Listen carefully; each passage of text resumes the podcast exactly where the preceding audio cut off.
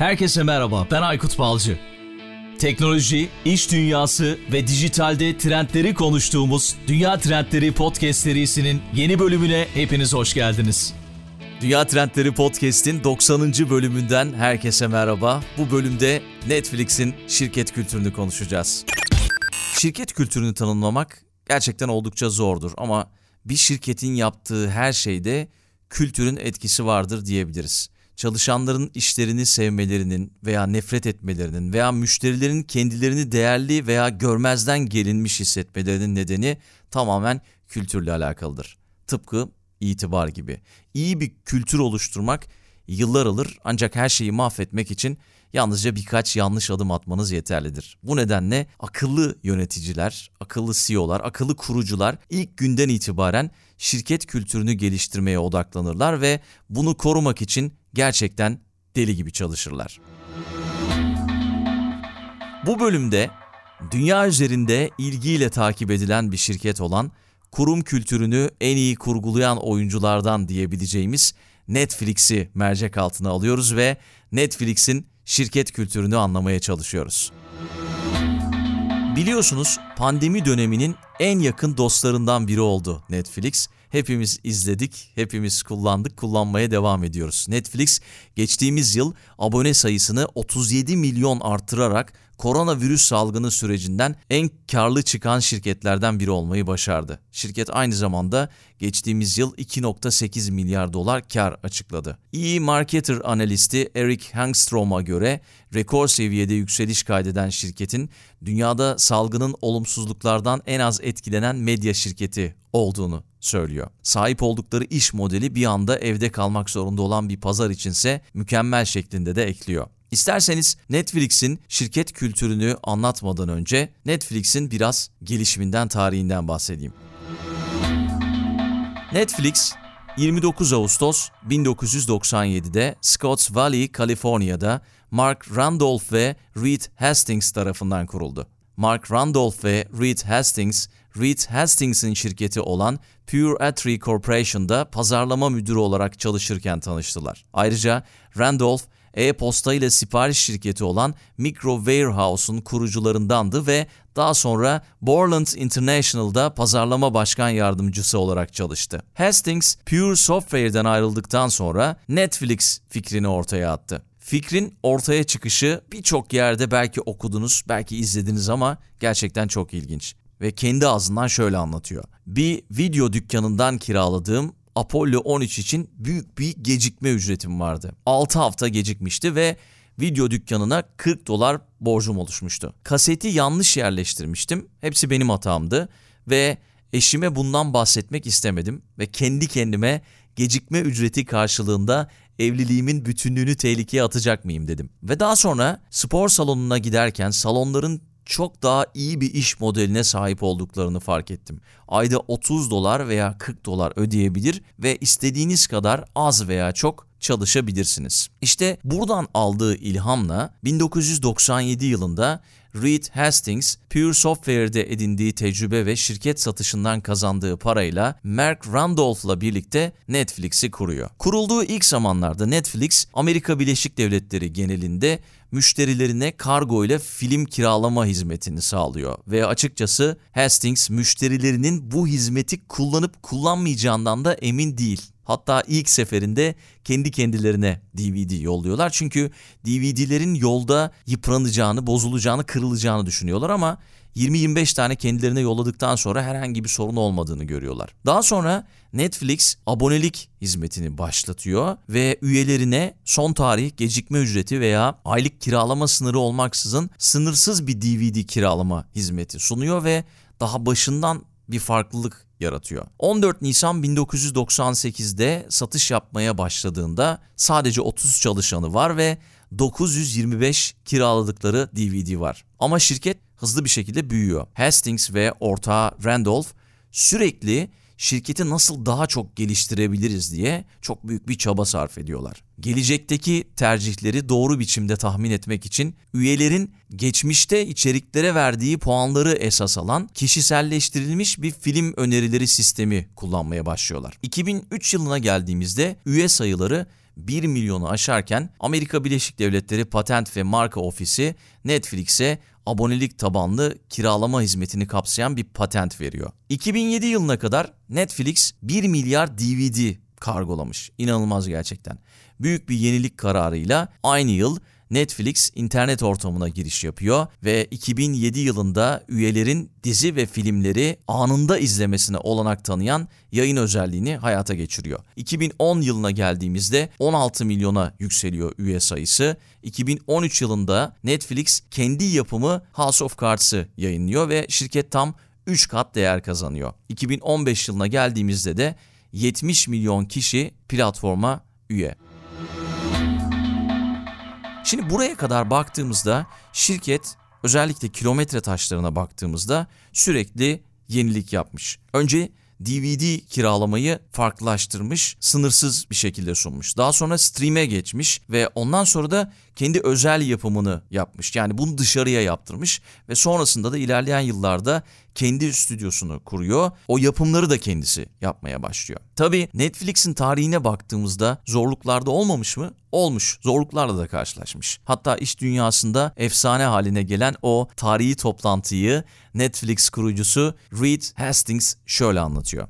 O akşam yatağıma yatıp gözlerimi kapadığımda Blockbuster'ın 60 bin çalışanının her birinin kahkahalarla teklifimizin komikliğine güldüğünü gördüm ve düşündüm. Netflix kurucusu Reed Hastings, Aaron Meyer'la birlikte yazdıkları No Rules Rules kitabında bu sözlere yer veriyor. Yıl 2000, Reed Hastings ortağı Mark Randolph'la birlikte Blockbuster şirketine gidiyorlar. Bizi satın alın, biz de blockbuster.com'u geliştirelim ve sizin internetten online kiralama işinizi yönetelim diyorlar. Blockbuster'ın o zamanki CEO'su John Antioco 50 milyon dolar rakamını duyunca masadan kalkıyor. Hastings'in söylediği teklifi reddediyor ve biraz da gülerek, aşağılayarak ve alay ederek reddediyor. Şimdi baktığımızda Blockbuster o dönemde DVD kiraya verme işinde 6 milyar dolar değerinde tam bir dev ağırlıklı olarak Amerika Birleşik Devletleri'nde olmak üzere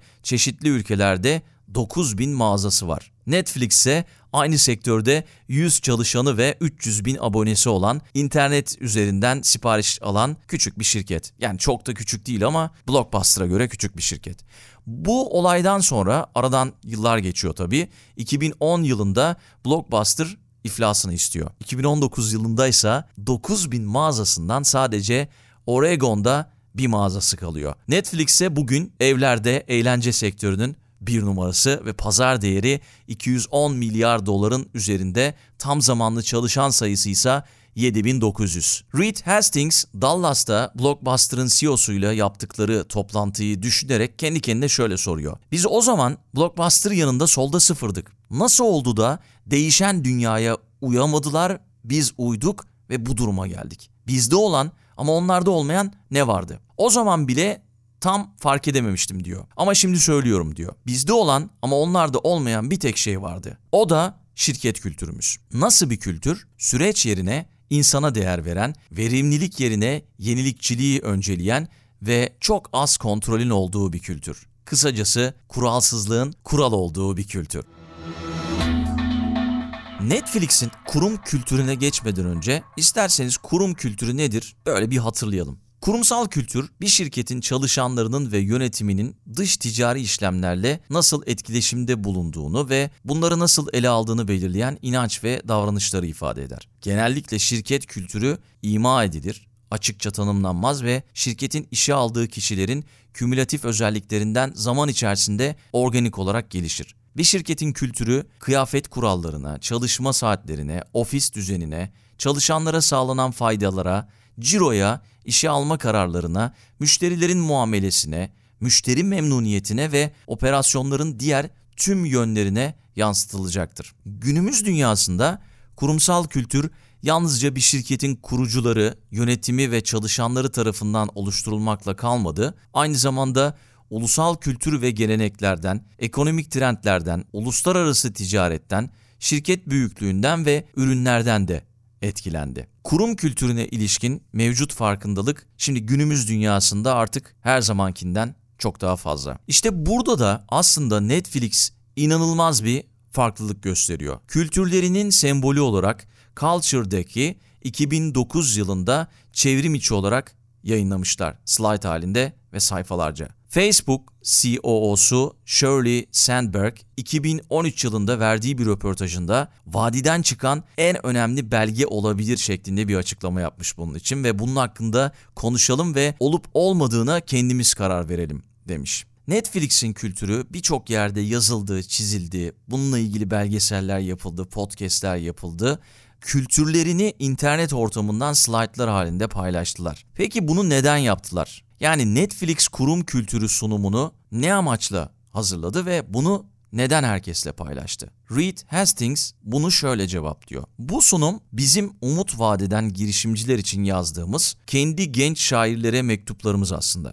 Yola çıkarken keşke bunları biliyor olsaydık dediğimiz şeyler. Şirketimizde yüzden fazla kişi bu sunuma katkıda bulundu ve katkıda bulunan kişi sayısı da artmaya devam ediyor. Bu sunumdaki birçok fikir sağduyudan beslenmiş görünüyor ama bir yandan da bunlar geleneksel İK uygulamalarına zıt fikirler. İşte böyle açıklıyor. Netflix kültürüyle ilgili işe alım süreçlerinde birini işe almadan önce önce web sitesine yönlendiriyor ve Netflix'in orada kültürünü anlatan bir özet bulunuyor. Bu özet işe alınacak aday için çok çok önemli olması gerekiyor. Çünkü oradaki kültüre uyan biri olması gerekiyor, benimsemiş olması gerekiyor ve kabul etmesi gerekiyor. Bunu podcast'in açıklama kısmında bırakacağım. Siz de detaylı bir şekilde oradan Netflix'in kendi web sitesinden yayınladığı kültürü ve o slaytı görme şansını yakalayabilirsiniz. Peki şimdi hazırsanız Netflix'in kültürüne bakalım.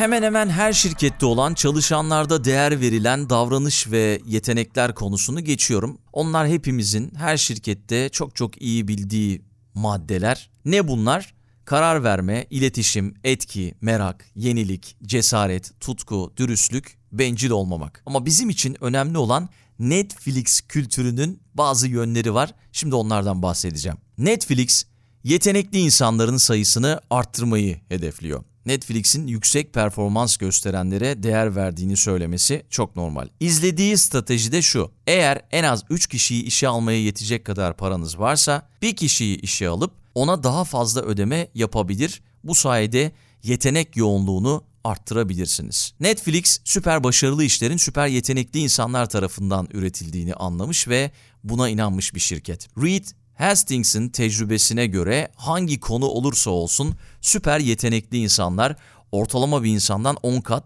yüksek performansa sahipler.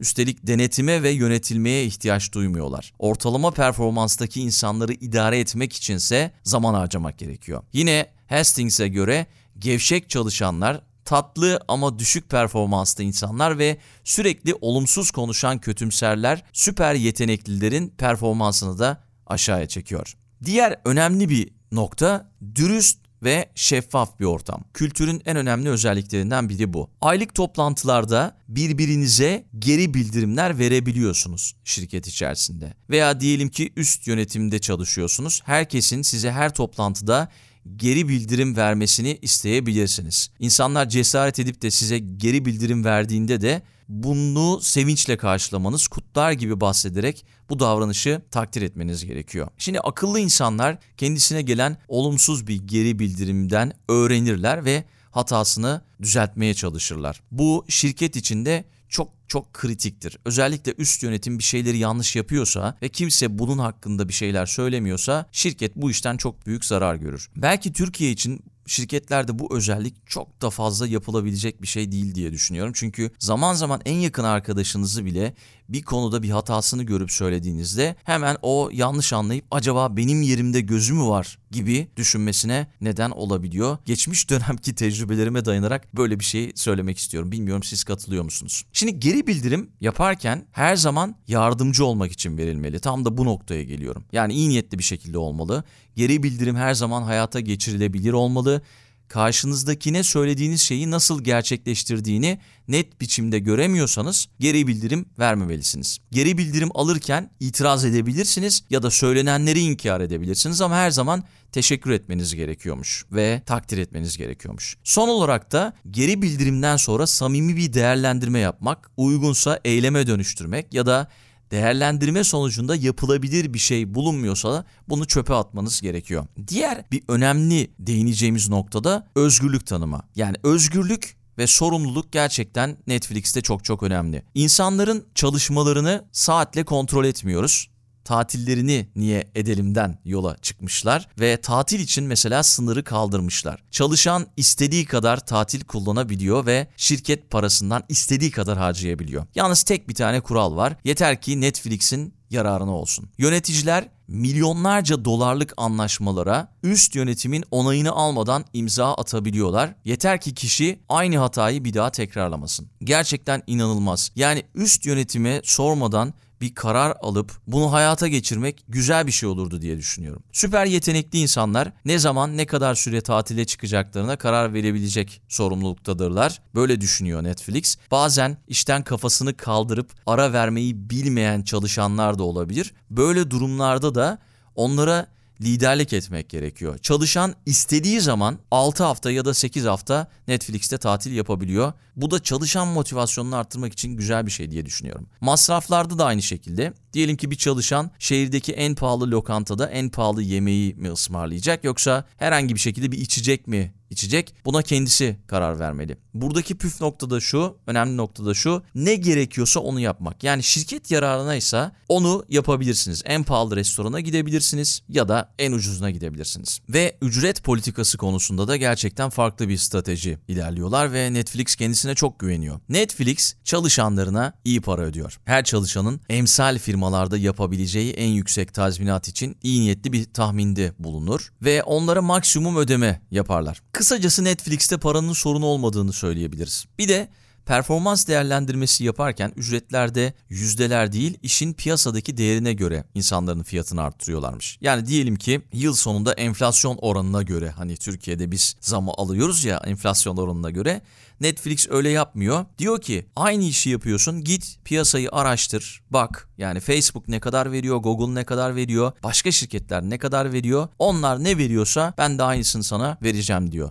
Böyle cesur bir politikası var. İnsanların para için ayrılmalarını istemiyorlar ve bunun da bedelini ödemeye hazırlar. Netflix her türlü maddi konuda hata sahiplenmede veya insan kaynakları konularında açık ve saydam olmayı tercih ediyor. Birisi işten çıkarılıyorsa bunun nedeni açıkça herkesle paylaşılıyor. Paylaşılmıyorsa bu dedikoduya sebep oluyor. Yani dedikodunun önünü kesmiş oluyorlar. Yanlış anlaşılmaların önünü kesmiş oluyorlar. Yönetimin de kendi hatalarını açıkça paylaşması önemli bir başka değer. Şimdi diyelim ki bir karar vereceksiniz ve o kararın doğru olduğuna inanıyorsunuz. Kriterlere bakıp siz bunu onaylayabiliyorsunuz Netflix'te. Üstünüze sormanıza gerek yok. Netflix'te her birimin kendi kararını alması bekleniyor. Karar alırken en temel parametre alınacak kararı iyi bir şekilde incelemek ve üst yönetimi memnun edecek kararlar yerine iş başarısı üretecek kararlar almak gerekiyor. Bu da çok çok önemli gerçekten. Bizim ülkemizde çok fazla alışkın olmadığımız bir şey. Üst yönetimi memnun edecek kararlar almak bizde daha önde gelir diye düşünüyorum. Şimdi buraya kadar olumlu şeylerden bahsettim. Her şey normal gözüküyor, eşsiz gözüküyor, çalışılabilecek bir şirket. Orada olmak istiyorsunuz biliyorum. Ben de keşke orada olsam diyorum.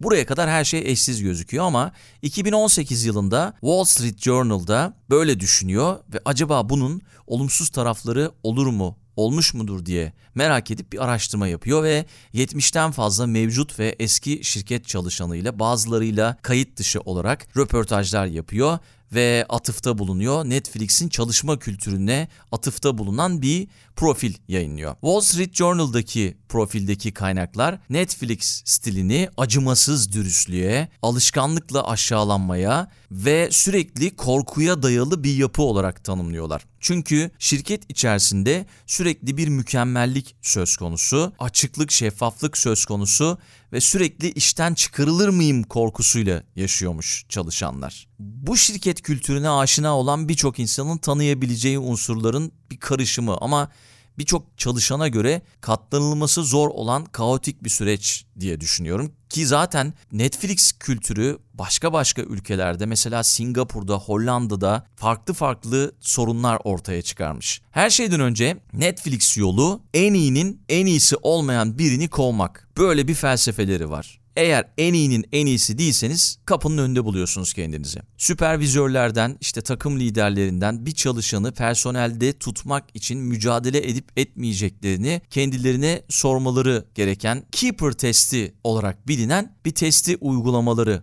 isteniyor. Diyelim ki bir takımınız var ve takımınızda kimi görmek istemiyorsunuz? Yani şu anda birini çıkartmak isteseniz kimi çıkartırdınız sorusuna cevap verebiliyorsanız ki verdiniz diyelim böyle bir cevap. O kişiyi hiç beklemeyin derhal işten çıkartın diyor.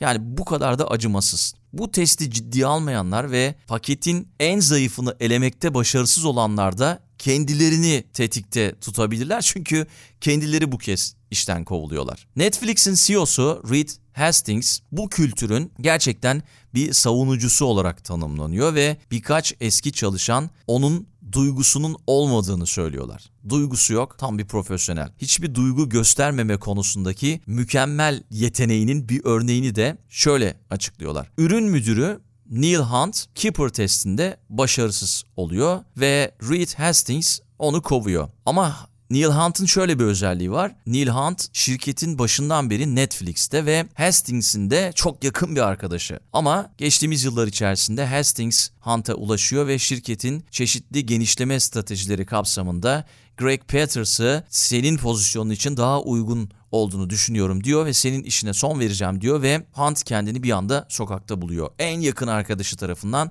ve yıllardır şirkette olmasına rağmen. Yani burada öldür ya da öl olarak kabul edilmesi gereken bir işleyiş var gibi düşünüyorum. Gerçek şu ki Wall Street Journals'ın görüştüğü çalışanların çoğu çalışma şekline katılmasalar da veya yaklaşımın biraz acımasız olduğunu düşünseler de Netflix için çok sert sözler söylememişler. Belki burada işten çıkarılırken aldıkları büyük tazminatlar olabilir. Çünkü işten çıkartırken birini Netflix normalden çok daha fazla tazminatlar ödeyerek çalışanlarını işten çıkartıyor. Ama röportaj yapılanların çoğu Keeper testi gibi şeylerin çalışma politikalarının olağan politikaları için sadece güzel bir örtü olduğunu ve şeffaflık çabalarının sadece utanç verici ve rahatsız edici olduğunu söylemişler. Bunlar Wall Street Journal'ın yapmış olduğu araştırmalar. Bu arada Netflix'ten eğer bu bölümü dinleyenler olursa ve yayına katılmak isteyenler olursa seve seve ben onları burada ağırlamak isterim. Gerçekleri yani eğer yani bir söz hakkı doğduysa onlara burada her şeyi anlatmalarını isterim. Çok çok da seviniriz. Hatta bununla ilgili belki de bir soru cevap bile yapabiliriz diye düşünüyorum.